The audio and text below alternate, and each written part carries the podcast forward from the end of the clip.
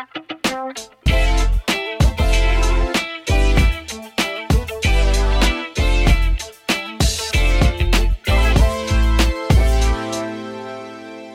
មជម្រាបសួរទស្សនិកជនទាំងអស់គ្នាសូមស្វាគមន៍មកកាន់កម្មវិធីការសន្ទនា podcast នៃគម្រោងជំនាញសិក្សានិងការងាររៀបចំដោយសមាគមអតីតនិស្សិតអាហារូបករណ៍ Fulbright ឬក៏ហៅកាត់ថា FUZEC ជារៀងរាល់ឆ្នាំកម្មវិធីពិព័រណ៍ជំនាញសិក្សានិងការងារតែងតែធ្វើឡើងនៅក្នុងបរិវេណវិទ្យាស្ថានបច្ចេកវិទ្យាកម្ពុជាឬក៏សាលាតិចណូផ្ទាល់ក៏ប៉ុន្តែនៅក្នុងថ្ងៃក្នុងឆ្នាំនេះពួកយើងបានធ្វើកម្មវិធីនេះឡើងតាមប្រព័ន្ធ Digital ដើម្បីចូលរួមទប់ស្កាត់ការរីករាលដាលនៃជំងឺ Covid-19 នៅក្នុងថ្ងៃនេះផងដែរពួកយើងបានអញ្ជើញវាគ្មិនមួយរូបដើម្បីចូលរួមពិភាក្សានិងបកស្រាយអំពីមុខជំនាញមួយដែលហៅថា Medical Laboratory ឬក៏មន្ទីរពិសោធន៍វិទ្យាសាស្ត្រ អញ្ចឹងកុំឲ្យខាត់ពេលវេលាយូរពួកយើងចូលមកជួបគាត់ទាំងអស់គ្នាខ្ញុំជម្រាបសួរបងអឺជាដំបងចង់ឲ្យបងណែនាំខ្លួនហើយនឹងប្រវត្តិនៃការសិក្សាខ្លះៗរបស់បងបន្តិចបានទេបាទអឺខ្ញុំបានឈ្មោះរដ្ឋាវីរៈវ័នអឺសប្តាហ៍ថ្ងៃគឺជា Quality and Administration Manager នៅមន្ទីរពិសោធន៍វិទ្យាសាស្ត្រសាមគ្គីអឺខ្ញុំបានបញ្ចប់ការសិក្សាបរិញ្ញាបត្រជាន់ខ្ពស់ផ្នែកគ្រប់គ្រងមន្ទីរពេទ្យអឺ ក៏ដូចជាបរិញ្ញាបត្រជាន់ខ្ពស់ផ្នែកគ្រប់ផ្នែកសេដ្ឋកិច្ចហើយខ្ញុំគឺជានិស្សិតដែលបញ្ចប់ការសិក្សាផងដែរពីផ្នែកបច្ចេកទេសមន្ទីរពិសោធន៍បាទអឺដូច្នេះប្រធានបទរបស់ពួកយើងនៅថ្ងៃនេះតកតនឹង medical laboratory ឬក៏មន្ទីរវិសោធន៍វិទ្យាសាស្ត្រតើបងអាចបញ្យល់បានទេថាអ្វីទៅជាមន្ទីរពិសោធន៍វិទ្យាសាស្ត្រអឺមន្ទីរពិសោធន៍វិទ្យាសាស្ត្រគឺជា ផ្នែកមួយដែលមានទូនាទីសំខាន់ក្នុងការធ្វើតេស្តរកពីប្រភពជំងឺហើយនឹងប្រភពជំងឺដែលយើងដែលយើងប្រមូល specimen sample ហ្នឹងអឺពីអ្នកជំងឺមកហើយដូចជាសារធាតុរាវនៅក្នុងខ្លួនរបស់យើងឈាមលិមួកខ្ទុះអឺ ទឹកខូចឆ្អឹងអីជាដើមដើម្បីឲ្យច្បាស់ថាតើអ្នកជំងឺនឹងគាត់នៅក្នុងសារធាតុក្នុងខ្លួនរបស់គាត់នឹងមានបញ្ហាអីហើយអាចមានមេរោគអ្វីខ្លះដែលបង្កទៅជាជំងឺនៅក្នុងខ្លួនរបស់គាត់ចុះសម្រាប់ការសិក្សារបស់បងតើកត្តាអ្វីខ្លះដែលជំរុញឲ្យបងអឺបន្តសិក្សាមុខជំនាញនេះអឺកត្តាដែលជំរុញឲ្យខ្ញុំសិក្សានៅមុខជំនាញផ្នែកបច្ចេកទេសមន្ទីរពិសោធន៍ហ្នឹងគឺទី1គឺដោយសារថា ផ្នែកបច្ចេកទេសមន្ទីរពិសោធន៍គឺជាផ្នែកមួយសំខាន់នៅក្នុងផ្នែកវិទ្យាសាស្ត្រផងដែរ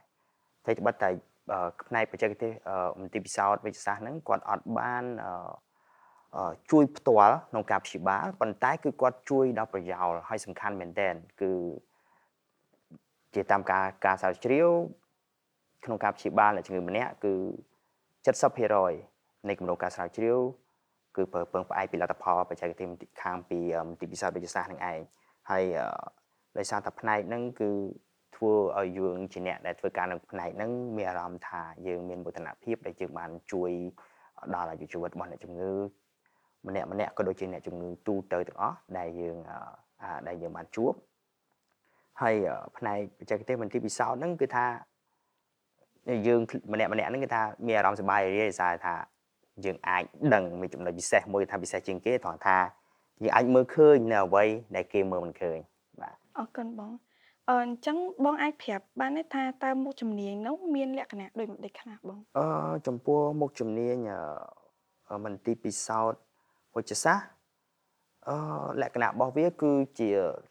និយាយរួមទៅគឺវាលក្ខណៈ science វិទ្យាសាស្ត្រប៉ុន្តែគ្រាន់តែវិទ្យាសាស្ត្រហ្នឹងគឺ ដើម្បីបំរើជាផលប្រយោជន៍នៅក្នុងផ្នែកវិទ្យាសាស្ត្របានន័យថាអឺលក្ខណៈរបស់វាគឺថាយើងប្រើបច្ចេកវិទ្យាបច្ចេកវិទ្យាថ្មីថ្មីក្នុងការស្រាវជ្រាវរោគជំងឺអឺស្រាវជ្រាវរោគកម្រិតនៅសារធាតុផ្សេងផ្សេងនៅក្នុងខ្លួនរបស់មនុស្សយើងតែបើតែគាត់អត់ឈឺក៏ដោយក៏គាត់អាចតាមដានថាគាត់សប្ថ្ងៃ condition របស់គាត់យ៉ាងម៉េចដែរហើយ ខាងបច្ចេកទេសវិទ្យាវិទ្យាសាស្ត្រក៏ជាអ្នកស្រាវជ្រាវអឺពីប្រភពជំងឺផ្សេងផ្សេងដូចជាពេលដែលពេលមាន outbreak អីផ្សេងផ្សេងដែលយើងអាចលើកបាននៅក្នុងក្នុងពេលបច្ចុប្បន្នហ្នឹងតើតើនឹង COVID-19 អីហ្នឹងគឺថាផ្នែកបច្ចេកទេសវិទ្យាពិសោធន៍ហ្នឹងហើយគឺ play role យ៉ាងសំខាន់ដើម្បីស្រាវជ្រាវរកថាតើអឺអឺតើអ្នកជំងឺណា មានផ្ទុកជំងឺ COVID-19 ហើយ សម្បីតែផ្នែកផ្សេងផ្សេងដូចជាការស្រាវជ្រាវរោគវ៉ាក់ស៊ីនអីក៏ត្រូវការអ្នកខាងមន្ទីរវិស័យវេជ្ជសាស្ត្រដូចគ្នាចានៅក្នុងការសិក្សារបស់បងតើបងចូលចិត្តអីគេនៅលើមុខជំនាញមន្ទីរពិសោធន៍វិទ្យាសាស្ត្រនឹងដែរអឺនៅក្នុងមន្ទីរផ្នែកមន្ទីរពិសោធន៍វិទ្យាសាស្ត្រហ្នឹងវាមានជំនាញផ្សេងផ្សេងទូទៅនៅក្នុងហ្នឹងទៅទៀតដូចជាផ្នែកខាងលោហិតសាស្ត្រខាង hematology ខាងជីវគីមីដូចជា biochemistry ខាង bacteriology ខាង molecular អីផ្សេងផ្សេង ហើយផ្នែកដែលខ្ញុំជួយចិត្តជាងគេហ្នឹងគឺផ្នែកតកតងនឹងលោហិតសាស្ត្រ hematology ពីព្រោះថាផ្នែកហ្នឹងគឺយើងនឹងសិក្សាពីក្របឈាមនិងសារធាតុផ្សេងៗនៅក្នុងឈាមរបស់អ្នកជំងឺហ្នឹងអញ្ចឹងណាអញ្ចឹងយើងអាចមើលបានថាមនុស្សម្នាក់ម្នាក់ហ្នឹងគាត់មានការខ្វះខាតនៅក្របជើងក្រហមឬក៏មានលើសផ្នែកណាមួយនៅក្នុងក្របជើងសហើយនៅក្នុងក្របជើងក្រហមរបស់គាត់ហ្នឹងតែបើគាត់ខ្វះហ្នឹងដោយសារបញ្ហាអីយើងអាចមើលពីរូបរាងរបស់កោសិកាក្របឈាម តើកោសិកាក្របឈាមមានរូបរាងរបៀបម៉េចហើយយើងអាចយើងអាចយើងអាចក្នុងការសន្និដ្ឋានថាក្របឈាមប្រភេទហ្នឹងវាអាចពាក់ព័ន្ធជំងឺណាខ្លះអីចាចុះនៅក្នុងការសិក្សាហ្នឹងយើងរៀនតាមជំនាញទូទូចហ្នឹងឬក៏យើងរៀនទាំងអស់ហ្មងបងជាទូទៅចំពោះការសិក្សាផ្នែកមន្ទីរពិសោធន៍វិទ្យាសាស្ត្រហ្នឹងអឺគឺយើងរៀនរួមទេគឺនៅក្នុងថ្នាក់សាកលវិទ្យាល័យហ្នឹងគឺយើងរៀនទាំងអស់គ្រប់ផ្នែកទាំងអស់នៅពេលដែលយើងរៀនចប់គឺយើងអាចបម្រើការបាននៅគ្រប់ផ្នែកអញ្ចឹងណាប៉ុន្តែនៅពេលដែលយើងចង់រៀនបន្តអាហ្នឹងយើងអាចយកជំនាញផ្សេងផ្សេងមួយមួយឬក៏យើងអាចរៀនជាបញ្ញាបត្រជាន់ខ្ពស់ផ្នែកជំងឺឆ្លង epidemiology អីផ្សេងផ្សេងទៀតក៏បានដែរបាទចុះតើបងមានជួបឧបសគ្គអ្វីឧបសគ្គអ្វីអត់នៅក្នុងការសិក្សារបស់បងផ្នែកជំនាញហ្នឹងអឺនៅក្នុងការសិក្សាជំនាញហ្នឹងឧបសគ្គធំគឺថាយើងត្រូវមើលសភៅច្រើនយើងត្រូវស្រាវជ្រាវច្រើនដោយសារថាទី1គឺ យើងត្រូវដឹងពី basic របស់មុខវិជ្ជា science ដូចជាខាងជីវវិទ្យាគីមីវិទ្យារូបវិទ្យាអីគឺថាយើងត្រូវតែច្បាស់ថាយើងដឹងពី basic អស់ហ្នឹងហើយហើយក្រៅពីហ្នឹងគឺយើងត្រូវមើលសិភៅបន្ថែមតាក់ទងនឹងជំនាញអស់ហ្នឹងមុខវិជ្ជាអស់ហ្នឹងហើយដូចដឹងស្រាប់ហើយវិទ្យាសាស្ត្រគឺវាអត់នៅត្រឹងទេគេថាទៅមុខរហូតអញ្ចឹងយើងត្រូវតែតាមដានរាល់ document ឬក៏ journal អីផ្សេងផ្សេងហ្នឹងដើម្បីបង្កើនជំនាញរបស់យើងឲ្យកាន់តែច្រើន ហើយអាអស់ហ្នឹងឲ្យធ្វើយើងពិបាកដោយសារថាទី1នៅស្រុកខ្មែរយើងឯកសារគឺយើងពឹងផ្អែកលើឯកសារបរទេសទាំងស្រុងអញ្ចឹងទាមទារ require យើងចេះភាសាបរទេសឲ្យបានច្រើនអញ្ចឹងបើសិនជាភាសាបរទេសយើងនៅមានកម្រិតអញ្ចឹងការស្រាវជ្រាវរបស់យើងក៏នៅមានកម្រិតដូចគ្នាហើយទីមួយទៀតតកតងនឹងរឿងថាតើប្រភពនៃឯកសារទៅនោះតើបានអំពីណាដែរអញ្ចឹងយើងត្រូវតែដឹងថាឯកសារមុខរឿងមុខវិជ្ជាដែលយើងចង់បានហ្នឹងយើងត្រូវប្រឹងប្រែងទៅរកថា តើបើយើងចង់បានហ្នឹងតើយកពីណាពីព្រោះនៅក្នុងសាកលវិទ្យាល័យមួយមួយគាត់មានបណ្ណាល័យរបស់ពួកគាត់អញ្ចឹងបណ្ណាល័យគឺមានសិភៅហើយប៉ុន្តែសិភៅគឺវាមិនខ្ញុំជឿថាវាមិនគ្រប់គ្រាន់ទេបើមិនតែយើងជាអ្នកអានពិតប្រាកដអញ្ចឹងយើងអាចតាក់ទងជាមួយនឹងសាស្ត្រាចារ្យឬក៏ផ្នែកក្នុងសាកលវិទ្យាល័យហ្នឹងដើម្បីសុំជា access ទៅ raw journal ឬឯកសារផ្សេងៗនៅតាមអ៊ីនធឺណិតមកបានណាពីព្រោះឯកសារវាមានច្រើនប្រភពហើយប្រភពដែលល្អគឺប្រភពដែលជាលក្ខណៈ official journal ដែលគេទៅសេឡើងដោយអ្នកវិទ្យាសាស្ត្រហើយតាមបែប scientific method អីពិតប្រាកដរបស់គេចាចាអរគុណបងចុះអឺក្រៅពីការសិក្សានៅក្នុងសាលាហ្នឹងតើយើងអាចអឺទៅរកប្រភពអីក្រៅផ្សេងដើម្បីជំនួយដល់ការសិក្សាយើងនៅតាមប្រភពអីគេខ្លះដែរបងបាទក្រៅពីសិក្សាក្នុងសាលាគឺគឺថាអារឿងផ្សេងដែលដើម្បីជំរុញចំណេះវិជ្ជារបស់យើងហ្នឹងគឺច្រើនមានច្រើន ហើយគឺយើងត្រូវតែធ្វើតែម្ដងពីព្រោះថាបើយើងពឹងផ្អែកទៅលើការសិក្សាក្នុងសាលាមកមុខគឺវាគ្រាន់តែជួយឲ្យយើងរឹងដៃរឹងជើងទេប៉ុន្តែឲ្យយើងប្រកែយើងធ្វើបាច់ត្រូវតែរកចំណេះពីខាងក្រៅអាហ្នឹងមួយយើងអាចផ្សារភ្ជាប់ទៅរឿងមួយតាក់ទងនឹងខ្ញុំលើកមកមុននឹងតិចតាក់ទងនឹងរឿងយើងស្វែងរកឯកសារថ្មីថ្មីយើងត្រូវចេះរកប្រភពឯកសារដែល ជាលក្ខណៈ scientific បានន័យថាជាលក្ខណៈ official អញ្ចឹងយើងអាចមើលមកយើងអាចយកមកជាប្រយោជន៍ក្នុងការងារជាចំណេះដឹងថ្មីថ្មីបន្ថែមពីលើអីដែលយើងបានរៀនហើយចំពោះមុខវិជ្ជាបច្ចេកទេសមន្ទីរពិសោធន៍គឺជាវិជ្ជាសាស្ត្រពិតអញ្ចឹងយើងមិនមែនគ្រាន់តែមើលសភៅយើងអាចធ្វើឲ្យអាការងាររបស់យើងនឹងចំណេះដឹងរបស់យើងចិត្តនឹងពិតប្រាកដទេយើងត្រូវអនុវត្តដែរអញ្ចឹងនៅក្នុងសាលាជាទូទៅគេមាន គេមានម៉ោងគេសម្រាប់ធ្វើ intern ហ្នឹងសម្រាប់ធ្វើ intern តាមមន្ទីរពេទ្យអីផ្សេងផ្សេងហ្នឹងគឺគេមានហើយប៉ុន្តែវាខ្ញុំជឿថាវាមិនគ្រប់គ្រាន់អញ្ចឹងយើងអាចឆ្លៀតឱកាសខ្លួនឯងនៅពេលទំនេរឬក៏ឆ្នាំណាដែលយើងទំនេរហ្នឹងគឺត្រូវតែដាក់ចិត្តអាកាយដើររកកន្លែងសុំហាត់ការ intern ហ្នឹងមិនថានៅតាមមន្ទីរពេទ្យ clinic ឬក៏មន្ទីរពិសោធន៍ឯកជនទេ យើងត្រូវខំប្រឹងប្រែងទំនាក់ទំនងមួយគេដើម្បីសុំជា intern ដើម្បីឲ្យយើងបានតែធ្វើការផ្ទាល់អនុវត្តផ្ទាល់ដើម្បីយកអាចំណេះរបស់យើងនៅមកមក apply នៅក្នុងការងារពិតប្រាកដមុនពេលដែលយើងបញ្ចប់ការសិក្សាហើយរកការងារធ្វើយើងដឹងស្រាប់ហើយថាកន្លែងរកការងារធ្វើគឺគេតែងទាមទាររបបពិសោធន៍អញ្ចឹងយើងចាប់ដើមសួរខ្លួនឯងវិញបើខ្ញុំរវល់តែរៀនរហូតមានបបពិសោធន៍ពីណាប៉ុន្តែសំណួរហ្នឹងมันគួរសួរទៀតទេពីព្រោះ នៅពេលដែលយើងរៀនគឺយើងមានពេលផ្សេងពីក្រៅរៀនគឺយើងត្រូវតែរកកន្លែងណាដែលហាត់ការឬគឺជា internship អញ្ចឹង apply ទៅធ្វើទៅអាអស់ហ្នឹងជាបទពិសោធន៍របស់យើងសម្រាប់នៅពេលដែលយើងរៀនចប់ហើយចំណុចចុងក្រោយមួយទៀតគឺអាសាតាមដាននៅ seminar ឬក៏ training ផ្សេងផ្សេងជា course training ផ្សេងផ្សេងដែលតាក់ទងនឹងមុខវិជ្ជាវិទ្យាសាស្ត្រអឺបច្ចេកទេសទីពិសោធន៍របស់យើងហ្នឹង ដើម្បីចូលរួមជាមួយគេពីព្រោះ seminar អស់ហ្នឹងគឺគេតែងតែយកអីថ្មីថ្មីដែលចំណេញថ្មីថ្មីហ្នឹងយកមកបង្ហាញហើយអាហ្នឹងគឺអត់មាននៅក្នុងសាលាទេហើយយើងក៏បានជា certificate មួយសម្រាប់ជាអឺសម្រាប់ជាអាហ្នឹងគ្រាន់តែជាกระดาษក៏ប៉ុន្មានប៉ុន្តែជាឯកសារមួយសម្រាប់រុញយើងពីក្រោយបន្ថែមទៀតនៅពេលដែលយើងមានចំណេះដឹងស្រាប់ហើយបាទចាអរគុណអញ្ចឹងអឺដើម្បីសិស្សគាត់ ចង់បន្តសិក្សានៅក្នុងជំនាញហ្នឹងតើគាត់គួរតែត្រៀមអីគេខ្លះបងដូចជាអឺ hard skill ឬក៏ soft skill អឺនៅក្នុងចំពោះនិស្សិតឬក៏និស្សិតដែលគាត់មានបំណងចង់ចូលសិក្សាផ្នែកមន្ទីរពិសោធន៍វិទ្យាសាស្ត្រហ្នឹង hard skill និង soft skill គឺសិតតែសំខាន់ប៉ុន្តែបងលើកមកមុនគឺតកតនឹង hard skill ព្រោះ hard skill ហ្នឹងគឺជា basic មក បានន័យថាបើយើងអត់មាន hard skill ទោះបី soft skill យើងបកកែប៉ុណ្ណាក៏យើងមិនអាចទៅរួចដែរប៉ុន្តែបើយើងមានតែ hard skill គ្មាន soft skill យើងមិនអាចคลายទៅជាអ្នកដឹកនាំបានទេនៅក្នុងផ្នែកហ្នឹងអញ្ចឹងចំពោះរឿងតកតនឹង hard skill បានន័យថាមុខវិជ្ជាចាំបាច់ basic ដែលយើងត្រូវចេះហ្នឹងគឺគឺមុខវិជ្ជាតកតងនឹងវិទ្យាសាស្ត្រ science គឺនៅក្នុងវិទ្យាល័យបងប្អូនគួរតែចាប់អារម្មណ៍និងយកយកទៅដាក់ ខំប្រឹងរៀនសូត្រផ្នែកជាពិសេសផ្នែកមុខវិជ្ជាជីវវិទ្យាគីមីវិទ្យារូបវិទ្យាគណិតវិទ្យាព្រោះអស់ហ្នឹងមុខវិជ្ជា4មុខហ្នឹងគឺសំខាន់មែនតើជា basic មួយសម្រាប់យើងចូលទៅរៀននៅក្នុងមហាវិទ្យាល័យក្នុងផ្នែកអឺអឺមន្ទីរពិសោធន៍វិទ្យាសាស្ត្រយើងកុំគិតថាចាំរៀនវិទ្យាល័យចប់ចូលមហាវិទ្យាល័យយើងខំរៀនពីព្រោះនៅក្នុងវិទ្យាល័យហ្នឹងមេរៀនតែប្រមាណហ្នឹងគឺថាសំខាន់សិតតែសំខាន់ហើយសិតតែជា មុខវិជ្ជាគ្រឹះតែម្ដងអញ្ចឹងបើសិនតែយើងអាចយល់ច្បាស់ពីវិទ្យាល័យទៅពេលដែលយើងឡើងដល់សាកលវិទ្យាល័យគឺធ្វើយើងងាយស្រួលក្នុងការរៀនហើយយើងមានឱកាសក្នុងការស្រាវជ្រាវអីបន្ថែមទៀតហើយក្រៅពីចំណុចអស់ហ្នឹងយើងត្រូវត្រៀមតាក់ទងនឹងភាសាបរទេសដូចជាភាសាអង់គ្លេសភាសាបារាំងអីចឹងណាព្រោះដូចដឹងស្រាប់ហើយថាឯកសារជាទូទៅនៅក្នុងផ្នែកហ្នឹងគឺសិតតែទៅសេនៅក្នុងភាសាបរទេស នៅក្នុងឯកសារស្រុកខ្មែរយើងវាមានតិចមែនតើដែលដែលយើងអាចមើលជាភាសាខ្មែរហ្នឹងអញ្ចឹងភាសាបរទេសគឺចាំបាច់ហ่ะបើយើងអត់មានភាសាបរទេសសម្រាប់ជួយ support យើងពីក្រោយទេយើងពិបាកក្នុងការស្រាវជ្រាវរៀនសូត្របន្ថែមក៏ដូចជាពិបាកក្នុងការរកការងារធ្វើហើយកុំភ្លេចថាយើងទៅត្រៀមចំណុចមួយទៀតចំណុចចុងក្រោយគឺតកតនឹង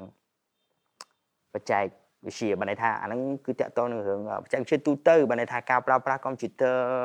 ការដឹងក្នុងការ search ថាទាំងធ្វើម៉េចយើងដើម្បីរក search ឯកសារ journal ឬក៏នៅក្នុង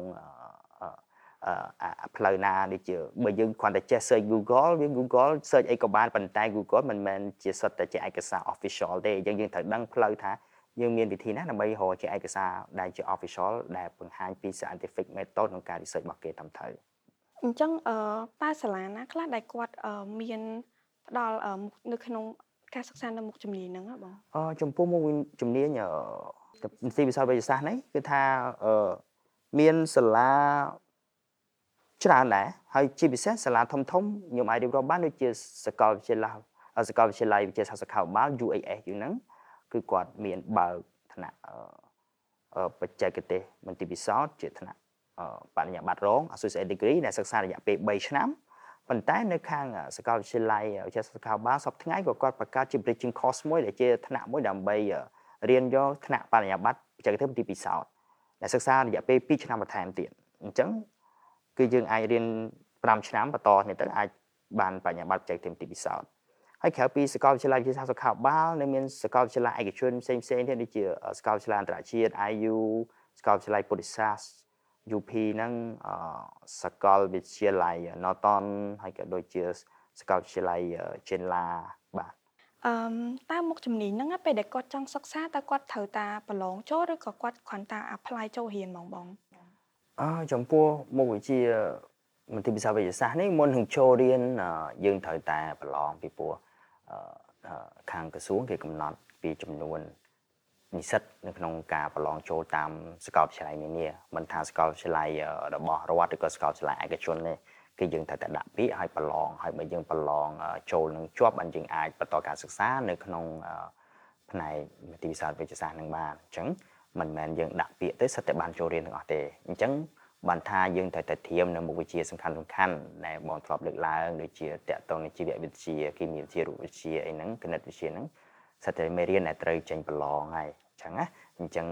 មិនធ្វើតែចេញប្រឡងពេលដែលប្រឡងជាប់ហើយគឺយើងត្រូវប្រើមុខវិជ្ជាហ្នឹងដើម្បីរៀនសិក្សាអស់ហ្នឹងឲ្យកាន់តែស៊ីជម្រៅបន្ថែមទៀតបាទ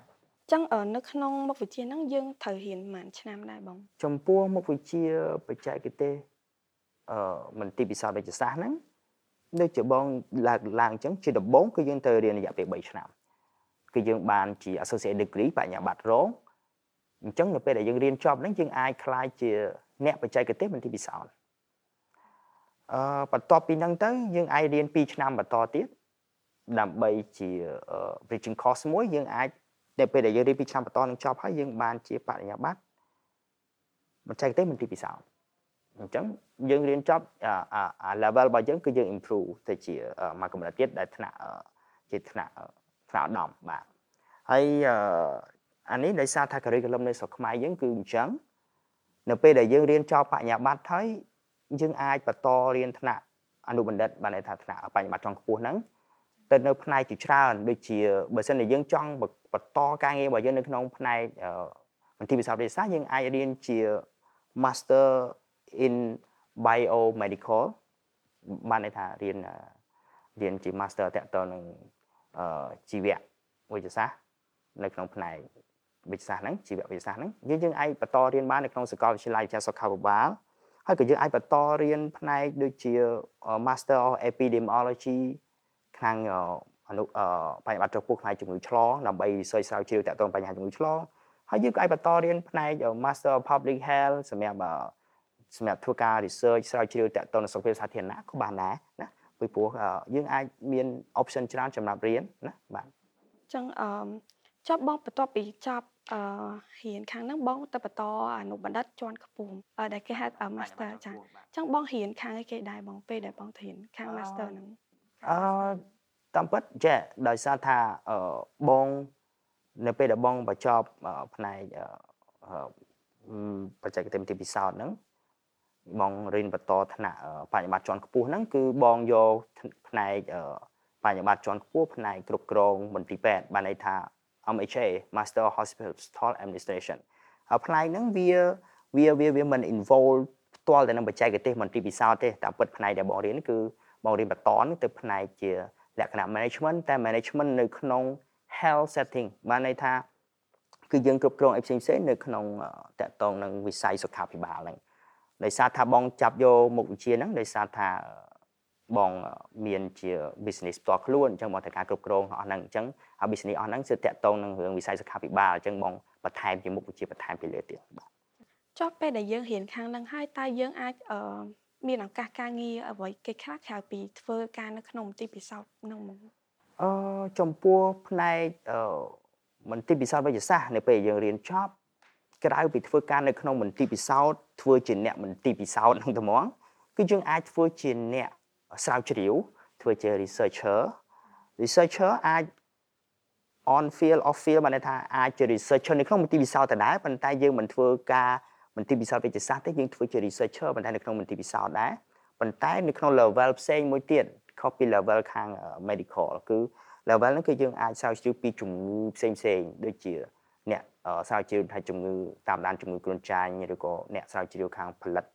ថ្នាំផលិតវ៉ាក់សាំងអីផ្សេងផ្សេងទៀត ទៅតាមការការការចូលធ្វើការរបស់យើងនិងតាមជំនាញរបស់យើងបន្ថែមពីលើរឿងហ្នឹងអញ្ចឹងណាហើយក្រៅពីហ្នឹងយើងអាចធ្វើជាអ្នក research on field បានថាយើងអាចទៅ research ពីជំងឺអីផ្សេងផ្សេងស្ថានភាពជំងឺនៅក្នុងសហគមន៍ណាមួយយើងអាចធ្វើជា data ដើម្បីស្រាវជ្រាវអីផ្សេងផ្សេងបន្ថែមទៀតហើយចុងក្រោយនេះថាយើងក៏អាចបើកជា business តខ្លួនតកតនឹងបច្ចេកទេសបន្តិពិសោធន៍ហើយត្បិតតារាល់ថ្ងៃ វាមានបញ្ហាខ្លះតកតនឹងផ្លូវច្បាប់ក្នុងការបើកបន្តិពិសោធន៍វិទ្យាសាស្ត្រឯកជនតាមរយៈអ្នកអ្នកបច្ចេកទេសបន្តិពិសោធន៍ក៏ដោយប៉ុន្តែគឺគាត់មានចំណេះដោះអស់ហ្នឹងគឺគាត់អាចសហការគ្នាហើយបើកជាហ្នឹងដើម្បីធ្វើជាមុខរបរ business ផ្សេងវិញក៏បានដែរបាទ